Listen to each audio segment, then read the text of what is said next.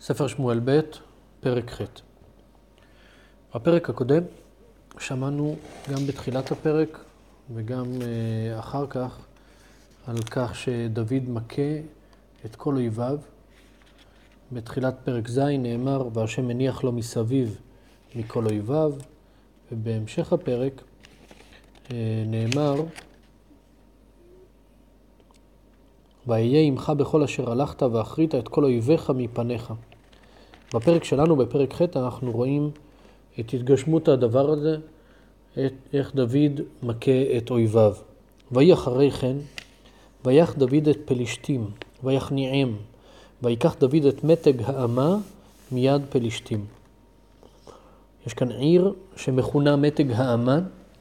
הפרשנים, על פי אה, ספר דברי הימים, אומרים שמדובר בגת, כי בדברי הימים נאמר ויקח דוד את גת מיד פלישתים, והיא נקראה מתג האמה, יש כמה הסברים בפרשנים מדוע כך היא נקראה.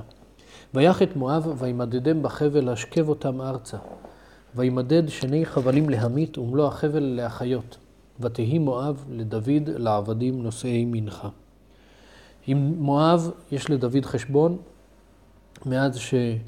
אה, מלך מואב הורג את אביו ואת אמו ואת אחיו של דוד בספר שמואל א' בפרק כ"ב, ודוד הורג אותם בהשפלה ובביזיון גדולים, הוא משכיב אותם ארצה, ומודד בחבל שני חבלים להמית וחבל אחד להחיות, כך שני שליש מאותם אה, מואבים אה, דוד הורג.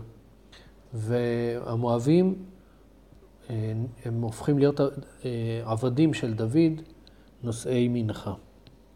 ויח דוד את הדדעזר בן רחוב מלך צובה, בלכתו להשיב ידו בנהר פירת.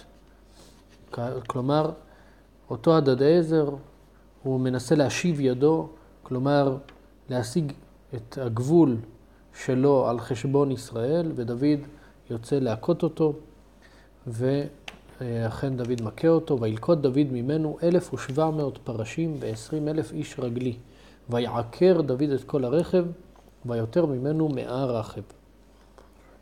דוד לוכד, כנראה שאותו הדדזר, הצבא שלו היה חזק בזכות אה, צבא פרשים, ודוד לוכד את כל החילות שלו, של הפרשים, ומעקר את הסוסים, בגלל שנאמר בספר דברים ש...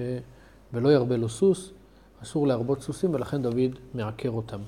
ותבוא ארם דמשק לעזור להדדעזר מלך צובה, ויח דוד בארם עשרים ושניים אלף איש. וישם דוד נציבים בארם דמשק, ותהי ארם לדוד לעבדים נושאי מנחה, ויושע אדוני את דוד בכל אשר הלך. ויקח דוד את שלטי הזהב אשר היו אל עבדי הדדעזר, ויביאם ירושלים. ומבטח ומבירותי הרי עד הדזר, לקח המלך דוד נחושת הרבה מאוד. אנחנו רואים שמתחילת הפרק, שדוד מכה את הפלישתים, את המואבים, את הדדזר מלך צובה, ואת ארם שבאים לעזור להדדזר. ודוד לוקח מהם שלטי זהב, כלומר מגני זהב, ועוד נחושת רבה. וישמע תוהי מלך חמת, כי היכה דוד את כל חיל הדדעזר. וישלח תוהי את יורם בנו אל המלך דוד לשאולו לשלום ולברכו על אשר נלחם בהדדעזר, ויכהו, כי איש מלחמות תוהי היה הדדעזר, ובידו היו כלי כסף וכלי זהב וכלי נחושת. כלומר, תוהי מלך חמת שומע שדוד מכה את הדדעזר, והדדעזר היה האויב שלו, היה ביניהם מלחמה, והוא שמח מאוד במש... בזה שדוד מכה את הדדעזר, והוא שולח את יורם בנו כדי לשאול לדוד לשלום עם עוד מתנות רבות של כלי כסף, כלי זהב וכלי נחושת. גם אותם הקדיש המלך דוד לאדוני עם הכסף והזהב אשר הקדיש מכל הגויים אשר כיבש. דוד המלך, את כל מה שהוא שולל, מהאויבים הוא מקדיש להשם. מארם וממואב ומבני עמון ומפלישתים ומעמלק ומשלל הדדעזר בן רחוב מלך צובה. מכולם הוא לוקח שלל ומקדיש להשם. ויעש דוד שם בשובו מהכותו את ארם בגיא מלח, שמונה עשר א'. דוד המלך עושה לו שם, הוא מכה את אויביו, הוא מכה בארם שמונה עשר א'. וישם באדום נציבים, בכל אדום שם נציבים, ויהי אדום עבדים לדוד. ויושע אדוני את דוד בכל אשר הלך.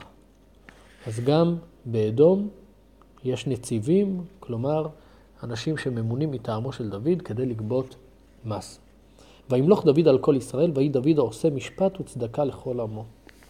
עד כאן ראינו את הניצחונות על האויבים, ועכשיו אנחנו מגיעים לתיאור קצר על המלוכה של דוד על כל ישראל.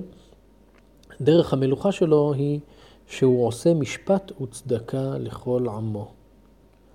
ויואב בן צרויה על הצבא, ויהושפט בן החילוד מזכיר, וצדוק בן אחיטוב ואחימלך בן אביתר כהנים, ושריה סופר.